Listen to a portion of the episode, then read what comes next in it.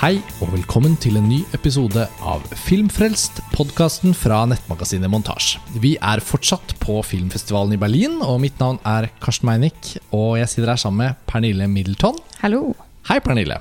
Du har jo vært på Berlinalen like lenge som oss andre, men uh, dette er den første Filmfrelst-episoden du er med på i år.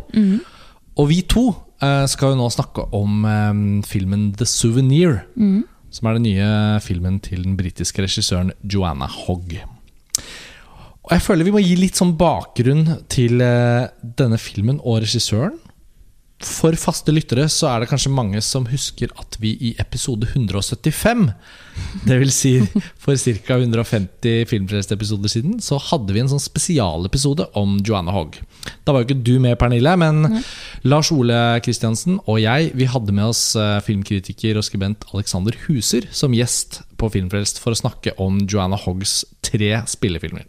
Dette er den fjerde, og det er mange av oss som har gått og ventet på når Joanna Hoggs nye film skulle komme. Og det har vært ganske spennende å følge med på denne The Souvenir, for den hadde da verdenspremiere i Sundance-festivalen i USA i januar for ca. en måned siden. Så da oppsto det en ganske sånn spennende buzz rundt filmen.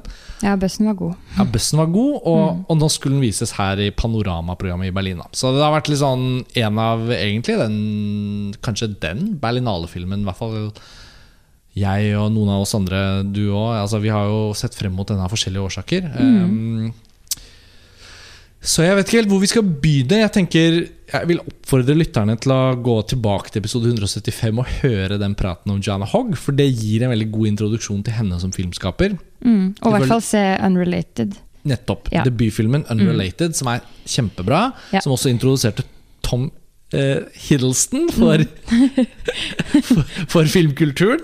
Ja. Eh, en, en skuespiller som vi selvfølgelig har hatt glede av i veldig mange forskjellige sjangere. Alt fra Marvel-filmer, eh, hvor han spiller Loke, og, og mange andre produksjoner.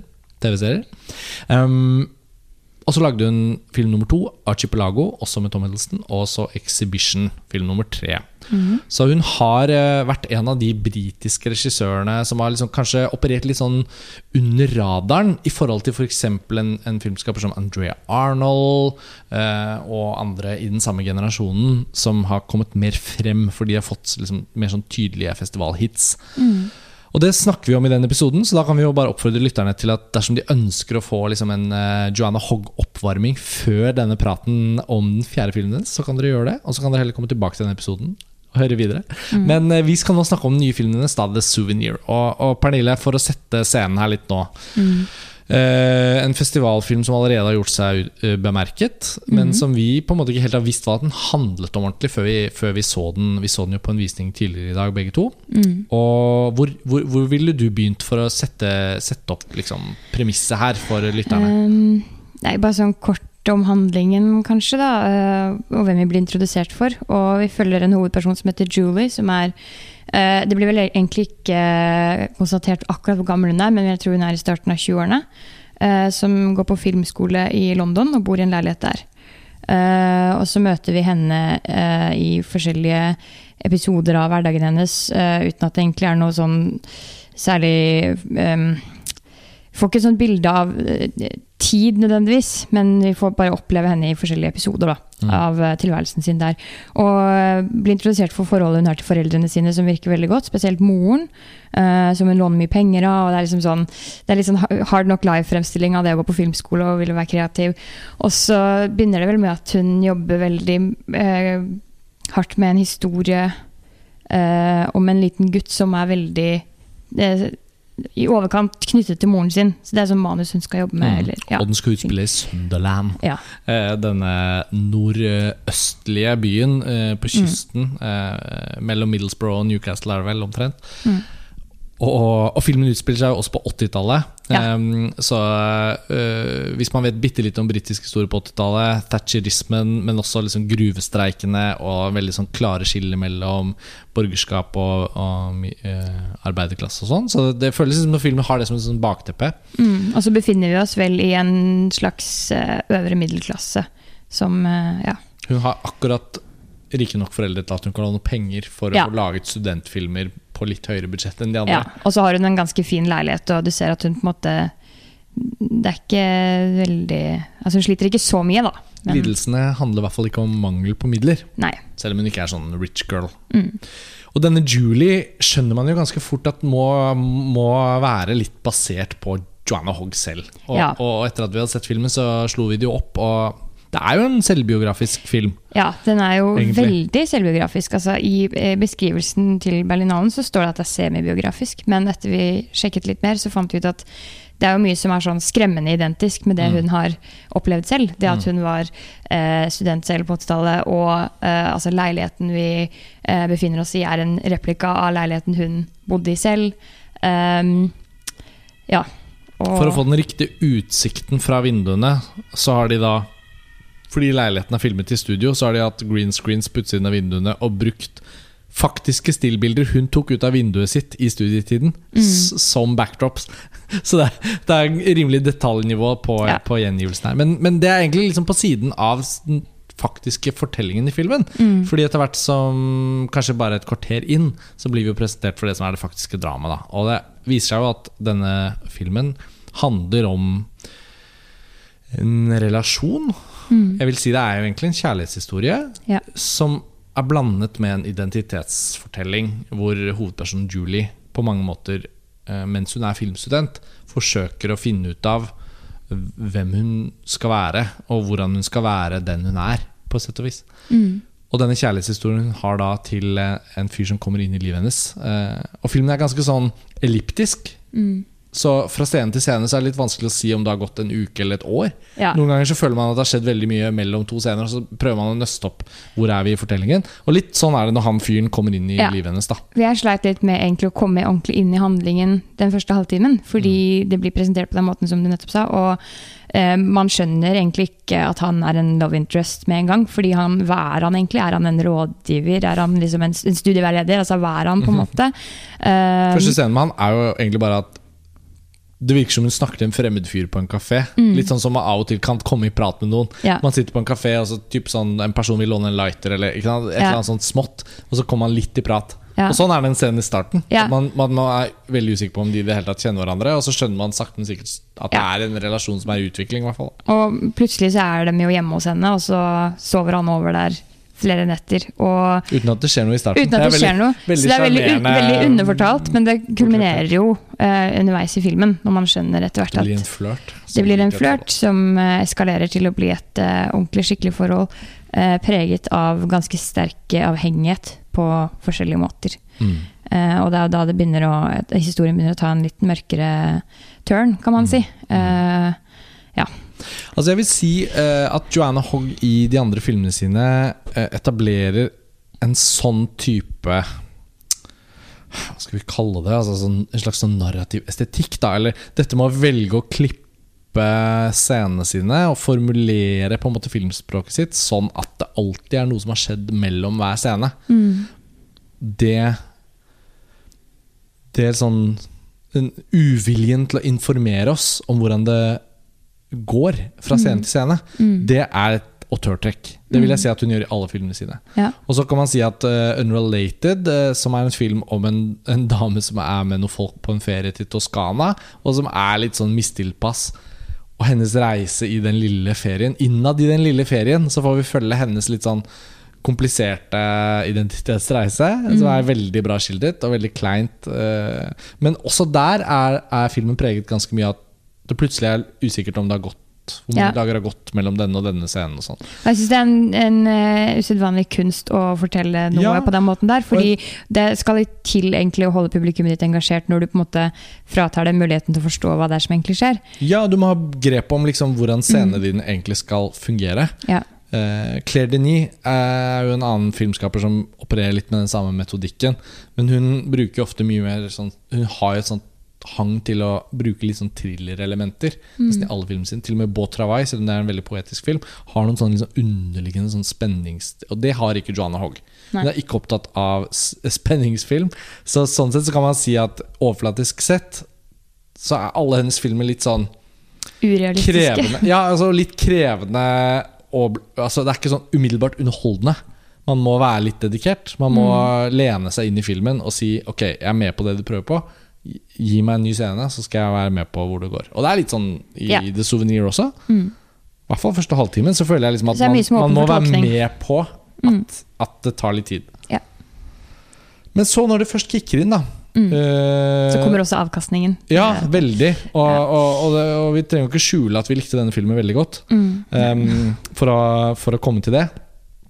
Jeg syns, jeg syns det var uh, tidvis en veldig, veldig god film i det sjiktet hvor man kjenner på at det er en superestetisk film. Altså Bilde for bilde, scene for scene.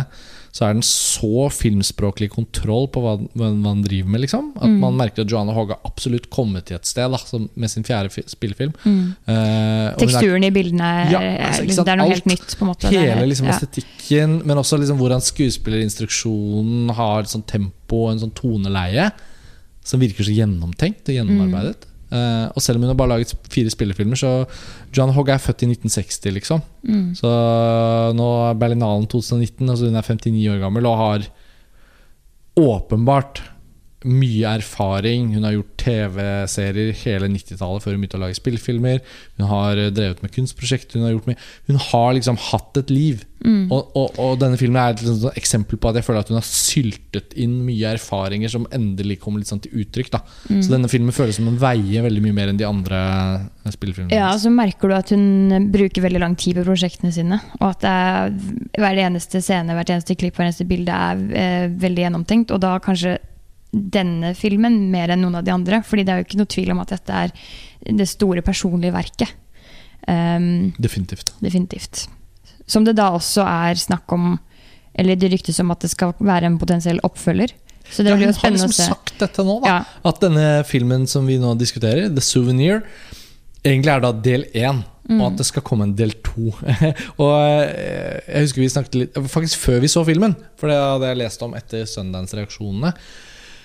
Så tenkte jeg på det at 'Blå er den varmeste fargen' er også faktisk en film som heter eh, på, på fransk, da, så heter den jo 'Le vie da- mm. chapitre 1 et 2'. mm, Og da får man følelsen at å, er, er, Og så kommer det kapittel Ja, ja. og fire. Og, um, og Abdelatif Keshish, eh, som lagde 'Blå er noe fargen', har jo da også laget en film, 'Mektub My Love', mm. som vi har laget en podkast om for snart to år siden, eh, fra Venezia, og som også nylig ble vist på filmfestivalen i Tromsø. Som heter 'Mektub My Love'.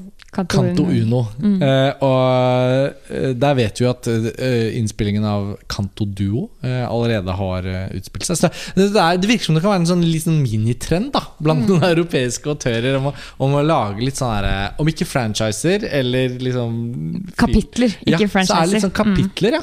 Jeg kjenner at jeg er ikke sånn imot det. roman, Ja, Litt sånn litteraturinspirert måte å tenke på. Så Mm. jeg kunne absolutt like å se kapittel to av The Souvenir. Mm. For det føles ut som vi er inne i en form for sånn um, krønike, nesten, Ja, og, om Julie. og man får veldig lyst til å vite hva som skjer med Julie eh, etter at filmen er ferdig. Fordi det, tar noen, det skjer jo noen ganske dramatiske ting eh, i den siste halvdelen, Mm. kan man jo si.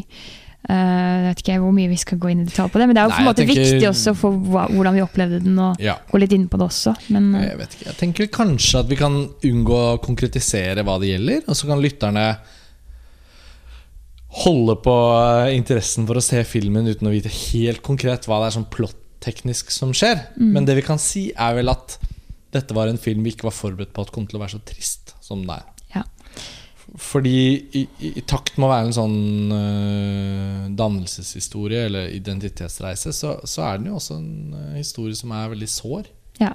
Um, Den handler veldig mye om avhengighet, Mm. uh, og em, spesielt avhengighet til kjærlighet. Mm. Og hva det kan gjøre med deg som person, og hvor mye Altså Du setter deg i en sånn posisjon hvor du må ta stilling til hvor mye du skal på en måte holde ut, og Mm. hvor mange ganger skal man gjennom den samme runden. da Fordi det viser seg at denne love interesten, han um, er jo ikke den beste, på en måte. Um, og mange måter, eller for mange så vil kanskje det være problematisk med den filmen. At Mm. uh, hvorfor går hun tilbake, eller hvorfor klarer hun ikke å gi slipp på ham? mm, Hvorfor er hun så tilgivende når hun kanskje ikke burde vært det?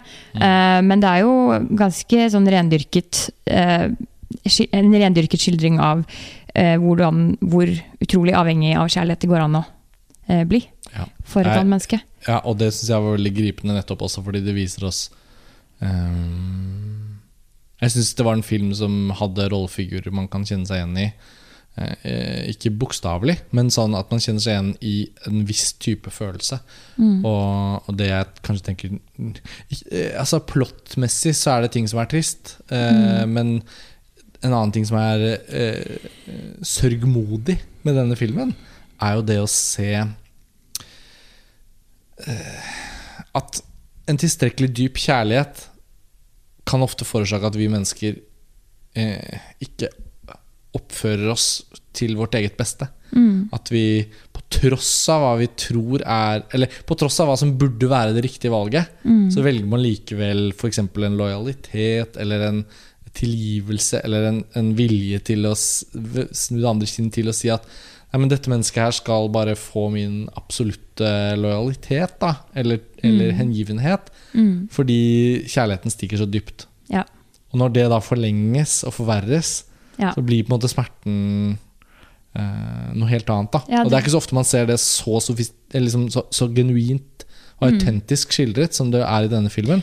Ja, det er jo derfor den blir så sår også, er jo, den er jo som jeg sa, det er urrealistisk Mm. fra ende til annen. Mm. Og man, jeg kjøper alle konfliktene, jeg kjøper alle reaksjonene og jeg kjøper alle følelsene Mm. som oppstår, og er med på det. Og jeg må jo bare innrømme at eh, jeg tror jeg Altså, jeg har vært et skikkelig sånn nervevrak i dag, og det er mye pga. den Mm. filmen. Jeg føler meg veldig redusert, og jeg skal ikke legge skjul på at jeg, jeg gråt litt sånn jevnlig i nesten tre timer etter å ha sett den. Fordi jeg vet ikke, den bare traff en nerve. Og jeg, jeg har full forståelse for at um, mange ikke vil se på den på den måten og bli rørt på samme måte i det hele tatt. Men så er det noen aspekter ved filmen som er veldig close to home for min del. Mm. Og jeg har eh, personlig vært med om noen av de situasjonene selv. Mm. Eh, og det er klart, da stikker det jo litt Jo, men absolutt. Og det er ikke bare bare at en film da klarer å få til det. Jeg tenker at Man kan se filmer som bokstavelig talt har scener som ligner på noe man har sett, men Mm. fordi at distansen mellom det fiksjonelle og det- levde livet er, kan bli noen ganger litt for stor. da At det Mm. føles litt kunstig, eller det er noe med den scenen som ikke er så ekte. Mm. Så kan man ha den distansen. Ja. Men en film som The Souvenir, den, den de, de, rå, de liksom nakneste følelsesmessige scenene De blir liksom ikke servert med øh, sånn øh, forberedt forventning, sånn at Mm. man skjønner når de kommer. Tvert imot så er dette en film som liksom helt sånn organisk lar liksom sånne små menneskelige øyeblikk To mennesker i en Mm. leilighet som bare går og surrer med noe greier. ja. Og så plutselig så blir det emosjonelt på den måten som det er i livet. da Mm. Plutselig tar du den praten. Plutselig så sier du 'unnskyld, det er en ting jeg har tenkt på'. Du har ikke helt sagt det Du har Mm. ikke helt Jeg tror jeg har sett at du er sånn, men du har ikke sagt noe. Hvorfor Ja. har du ikke sagt noe? Så plutselig så er de der. Og da blir det veldig effektivt at den er så underfortalt. Eh, Ja, nettopp. Og, og da blir det også effektivt emosjonelt. Fordi Ja. vi er jo allerede involvert i hvem disse menneskene er, og hvordan de oppfører seg. Og, og, og så smeller det. Mm. Eh, ikke hardt, men det smeller sånn egentlig Stikk for stikk. Ja, nettopp. Eh? Mer gripende, Mm. fordi det kommer bare sånn snikende inn. Uh, og det er jo en honnør til filmen Ja, ja. som et uh, kunstverk. At, at jeg syns Joanna Hogg har virkelig klart her å ta noe som for henne har åpenbart vært uh, personlig. Det, er, det føles som en film som antageligvis har superbiografiske trekk, Mm. men den føles heller ikke som en sånn her er min livshistorie-aktig film. Mm. Fordi hun på en eller annen måte klarer å skape en sånn liten fiksjonsverden som, som har tilstrekkelig med avstand. Og, så, og det har mye med casten og liksom, hvordan ting er gjort her å gjøre. Det har vi ikke snakket om ennå, men, men her har vi jo også et rollegalleri. Det er veldig mange fine typer i Mm. denne filmen. Mm. Men castingen er litt sånn der blanding av liksom kjempekjente fjes og litt sånn amatørmessige, men, men også logiske. da Vi må jo si litt hvordan Ja. det er satt sammen, dette. Det morsomme er altså det, det virkelig kjempekjente fjeset er jo ikke så mye med. Eh, men likevel en viktig rollefigur. Og det er jo moren til Julie, som spilles av Tilda Swinton. Ja, og vi leste oss begge opp til at Tilda Swinton er jo da i samme generasjon som Joanna Hogg. Og Joanna Hogg, da hun gikk på filmskole, som åpenbart var en periode som er veldig viktig for denne filmen, siden hovedpersonen går på filmskole i London på 80-tallet, hadde da en den gang helt ukjent Tilda Swinton som skuespiller i flere av sine filmskolefilmer. Og nå spiller Tilda Swinton også i denne filmen. Men viktigere enn det, så er det jo da Tilda Swintons datter. Mm.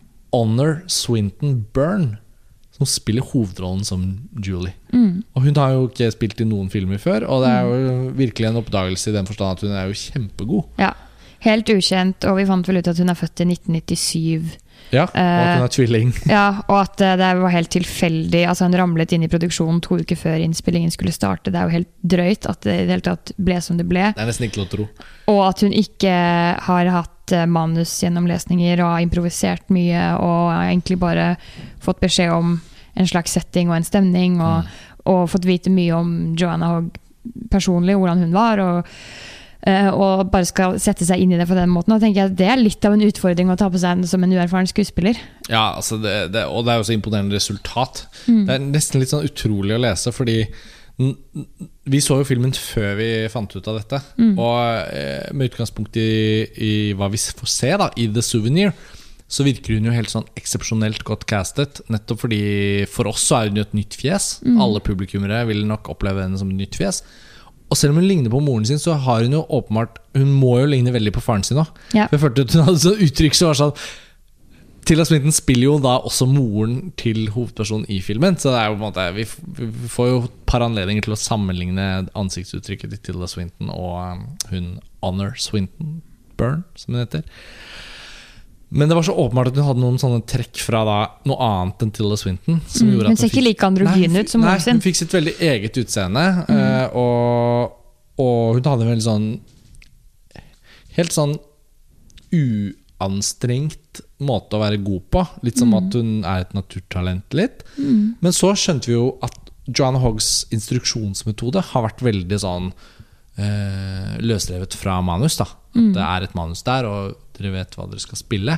Men at eh, det har vært masse improvisasjon. Og at reaksjonene til Honor skulle være ekte. Nettopp, og Det merker man jo faktisk eh, i retrospekt når man da tenker tilbake på filmen. Så slår det meg at det har vært veldig vellykket, nettopp fordi det er så mange scener som, som handler om kjemien mellom henne og han eh, som hun forelsker seg i. Og der syns jeg det er såpass mye småtteri som er så bra. Mm. er, eh, når to mennesker uten helt å ha inngått liksom kontrakten om å være kjærester, eller kontrakten om å skulle liksom bli intime med hverandre, men litt sånn er på sånn halvflørtet distanse, men fortsatt ligger på samme dobbeltseng med Ja. klærne på, Ja. og prater, flørter, slash forsker på hva er mulig mellom Ikke sant? Det er sånne, her- man sånne små små nyanser, mell, mellommenneskelige nyanser, Mm. som jeg tror alle, alle kan kjenne seg igjen i når man ser den filmen. Da har man forskjellige erfaringer og sånn. Men um, det er veldig veldig bra skildret, og du kan ikke skrive det greiene der. Det må liksom være en eller annen form for sånn frislipp da av Mm. eh, kjemien mellom to skuespillere. Og så var det noe med at hun ikke kjente, eller egentlig hadde møtt noe særlig, han som spiller Tom Ja. Burke, er det det han heter? Ja, han var veldig bra. Han, Han er psyko, og du merker på en måte så Det er liksom morsomt uh, når man leser det i etterkant, å vite at ja, men faktisk den prosessen med at de to skuespillerne blir kjent med hverandre, det skjer jo da også i filmen. Det er det vi får se i filmen. Det er det vi får se. De, den relasjonen bygger seg opp uh, sakte, men sikkert, Ja. også på ekte.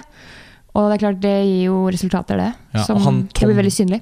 Tom Burke, da, som han heter, som spiller Anthony, som er liksom eh, hovedpersonens love interest.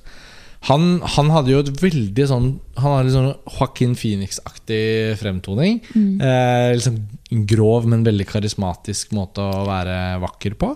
Men, Veldig eh, spesielt utseende. Veldig, veldig bare filmvennlig Mm. og bra. Men han var, han var ny for meg, og, og det var veldig fint, syns jeg da, for min del. Så ble jo begge hovedpersonene da like ukjente. Mm. Eh, og siden Joanna Hogg også er en sånn filmskaper som På tross av at Tom Hiddleston ble kjent etter hvert, så, så ser man jo i filmen hennes at hun er veldig god på å jobbe med ikke fullt så etablerte fjes. da Du føler ikke at hele Shakespeare-truppen fra det britiske eh, elitenivået av skuespillere da, bare har rykket inn i Joanna Hoggs filmografi. Tvert imot så føles det som hun jobber liksom mer eh, med en, et visst sjikt av skuespillere da som, Ja. hun, som hun har gode relasjoner med. Han har vel eh, spilt i en del filmer som ikke har blitt sånn kjempestore, men for meg så har han vært en sånn TV-skuespiller. Ja, du jeg jeg begynte. så han i den miniserien 'Krig og fred', og så har han også vært med i en sånn JK Rowling-adaptasjon-serie som heter CB Strike. Så Ja. han har vært litt, litt sånn innom her og der. Ja. Men eh, ikke en skuespiller som egentlig har satt seg noe særlig hos meg personlig før, før nå, kan jeg si det. Fortsatt up and coming, da, kan vi jo si. Ja, på en måte. Eh, og så er det jo noe med visualiteten i filmen nå, da, som det er umulig å ikke komme litt inn på. At uh, vi har litt Vi har vel vært enige nå om at vi ikke 100% sikkert kan si om filmen er helt skutt på film, eller om den er litt skutt på digitalt og litt på film. Eh, for det har ikke vært noen kilder på det ennå som har kunnet bekrefte det. Det har ikke, har ikke vært så mye snakk om filmen på sånn teknisk plan, men det kommer sikkert til å komme ut noe informasjon om det på internett. Men akkurat nå så vet vi ikke om vi kan si 100 sikkert det ene eller det andre. Men en ting som er sikkert, er at det er sekvenser av filmen som definitivt er skutt på film. Og jeg tror nok at mesteparten av filmen er skutt på film. Den føles veldig filmfilm. Ja, fordi Vi var jo litt inne på det i en annen episode her eh, rundt den filmen til eh, Da var ikke du med, Pernille, men du har også sett den. Altså, Mr. Jones til Agnieszka Halland, em, som på alle Syns jeg på alle måter var en veldig vellykket film. Den slet med den ene tingen, da som var at den har skutt digitalt, og dermed på en måte spent litt ben på all den innsatsen som var lagt ned i. produksjonsdesign og kostymer og sånn, fordi det bare ser da ikke fullt så autentisk ut. Sånn er det bare. Særlig med periodefilmer. Og så passer det at det er på en måte skutt på film, at den har det uttrykket, fordi vi følger jo faktisk en filmstudent på 80-tallet, og vi ser henne jo med dette kameraet flere ganger i filmen, fordi hun finner jo mye av redningen sin i dette her med å uttrykke seg gjennom filmmediet. da. Og hun konstaterer jo det flere ganger òg.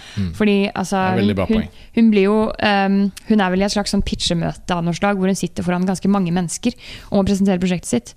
Og så blir, får hun det kritiske spørsmålet med, om men hvorfor skal du fortelle en historie om noe som ikke er nært deg selv? Hvorfor skal du fortelle om denne unge gutten som er så nær moren sin? Som ikke, altså sånn, hvorfor vil du ikke heller starte fra et punkt som er noe som er selvopplevd? Og så er hun veldig ærlig på det og bare sånn Nei, men jeg vil se på en måte mer av verden. Jeg vil se ting utenfor min egen boble, da. Eh, og det merker man jo også da flere ganger i Altså det er flere bilder hvor hun sitter og på en måte bare drømmer seg vekk med dette kameraet, filmer vennene sine, filmer forskjellige ting. Um, så ja, det sånn virker som at selve filmrullen er liksom Det er et viktig element. da. Ja, jeg er helt enig. Og jeg tror uh, Joanna Hoggs selvbiografiske elementer her må i hvert fall være knyttet til hovedpersonens eh, rolle som filmstudent i Ja. London på 80-tallet. For hun gikk jo selv på National Film and TV School på den tiden. Og på 80-tallet så var jo filmstudenter eh, De var jo ikke noe digitale verktøy de hadde. Det var for tidlig. Det kom først på slutten av 90-tallet. Og dermed er det jo helt naturlig at hun jobber med film, at en jobber med studio og lyssetting, og en litt sånn utdatert form for filmutdanning i forhold til hvordan ting er nå. Så, så jeg føler jo liksom at det er såpass god integrasjon da, mellom formatet The Souvenir er skutt på. Linsebruken, framingene, eh, masse rom som spill på rom, og mange scener fra filmskolen hvor de gjør opptak til forskjellige små filmskolefilmer. og sånn Så det er, det er liksom så mye integrasjon mellom det miljøet og det faktiske formatet som fungerer bra, Ja. at det blir nesten utenkelig at ikke i hvert fall brorparten av dette er skutt på film. Da. Så, og, og det gjenspeiler seg også i estetikken. Man kan se og føle at The Souvenir er en film som kanskje mest av alt ønsker å få på en måte formidlet en form for estetikk for å uttrykke følelsene eh, til hovedpersonen og rollefiguren. Og, og det går jo litt på bekostning av et, et, et, et narrativ, da. For, det, for det går ikke fort unna i svingene i denne filmen. Nei, den er langsom, Den, den er langsom. og den varer vel i To 115 minutter, Ja, tror jeg er nøyaktig. Ja. Så det er sånn, det er jo, man må jo være tålmodig med den. Og som jeg nevnte, så er det sånn det, jeg, jeg brukte jo litt tid på å komme inn i det, må jeg være ærlig. Altså, Jeg visste ikke om dette skulle bli noe suksess. Men Mm. igjen, da, det er det der med at hvis du bare gidder å være tålmodig og bli med på det og bare akseptere det du ser, uh, så vil du på en måte kjenne belønningen av det senere. Ja, Man kan ikke ikke gjøre det, på en måte.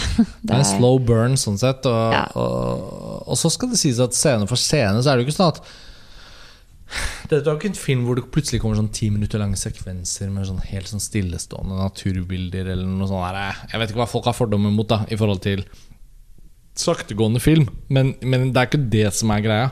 Greia er mer at eh, Joanna Hoggs fortellertempo ofte tar seg tiden til å la hovedpersonen, eller hovedpersonene, Um, bare være i rom. Gjøre Og- sine og greier Gjøre sine og- greier ja. og ha små samtaler om Lage te, åpne posten. Nettopp. nettopp. Ja. Mm. Og når de da drar til Venezia på et tidspunkt, så blir ikke det en sånn show-off-sekvens.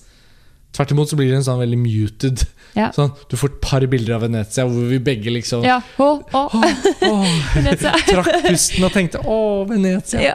uh, som er så vakkert på film, selvfølgelig, som i virkeligheten. Men så viser det seg jo at uh, Hogg er veldig disiplinert eh, filmskaper. da Så hun, Det holdt med et par bilder, og så var vi tilbake igjen. Men det speilet jo egentlig da hvordan hovedpersonen opplevde den turen. Så det, det var bare veldig Egentlig en veldig kontrollert og trygg film om det som åpenbart er en personlig skildring for regissøren. Nettopp det da gjør jo at filmen også får en sånn litt sånn hudløs og, og naken kvalitet. da Men jeg tenker at um, kanskje er noe av det beste med The Souvenir. At den klarer å balansere det som er personlig og, og subjektivt og nært og emosjonelt, som kommer veldig sterkt til uttrykk, med et ganske kontrollert estetisk eh, konsept.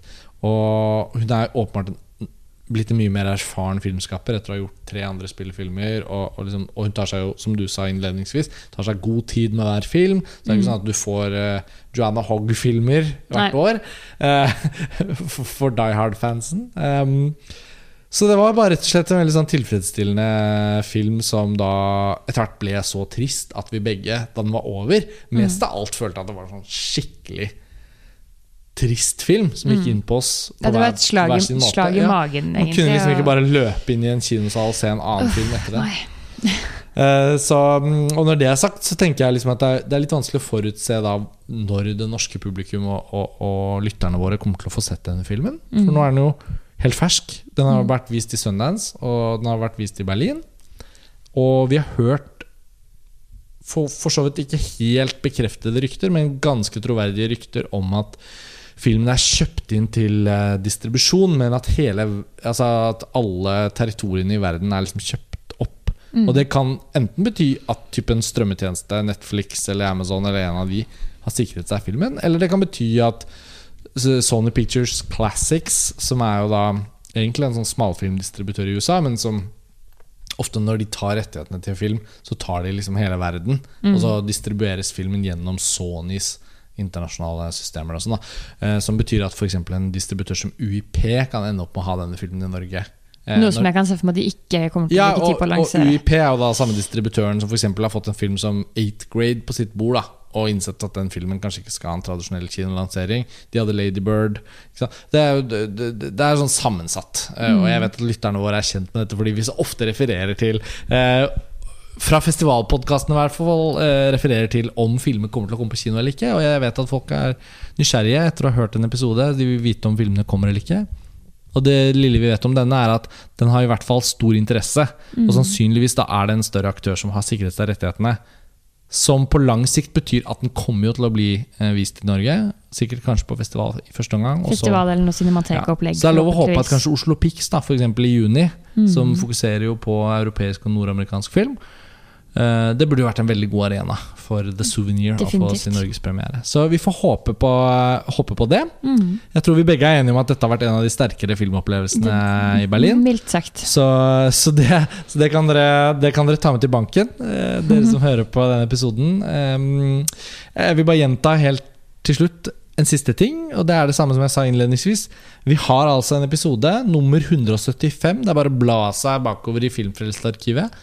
Hvor vi da faktisk snakker om alle Joanna Hoggs tre første spillefilmer sammen med eh, vår da spesialgjest Alexander Huser, som eh, skriver om film for eh, flere norske publikasjoner, og som har satt seg inn i Joanna Hoggs filmografi. Jeg, mener å huske at det var en ganske god episode, eh, fordi vi tok oss god tid og snakket om alle de tre filmene. Og nå er det jo veldig hyggelig, Pernille, at du og jeg har fått snakket om The Souvenir, som er den fjerde filmen til Joanna Hogg. Så da har eh, lytterne våre en god mulighet til å sette seg inn i hennes filmografi. Og hvis dere er nysgjerrig på disse tre første filmene, så er alle tilgjengelige på DVD eller Blu-ray fra Storbritannia.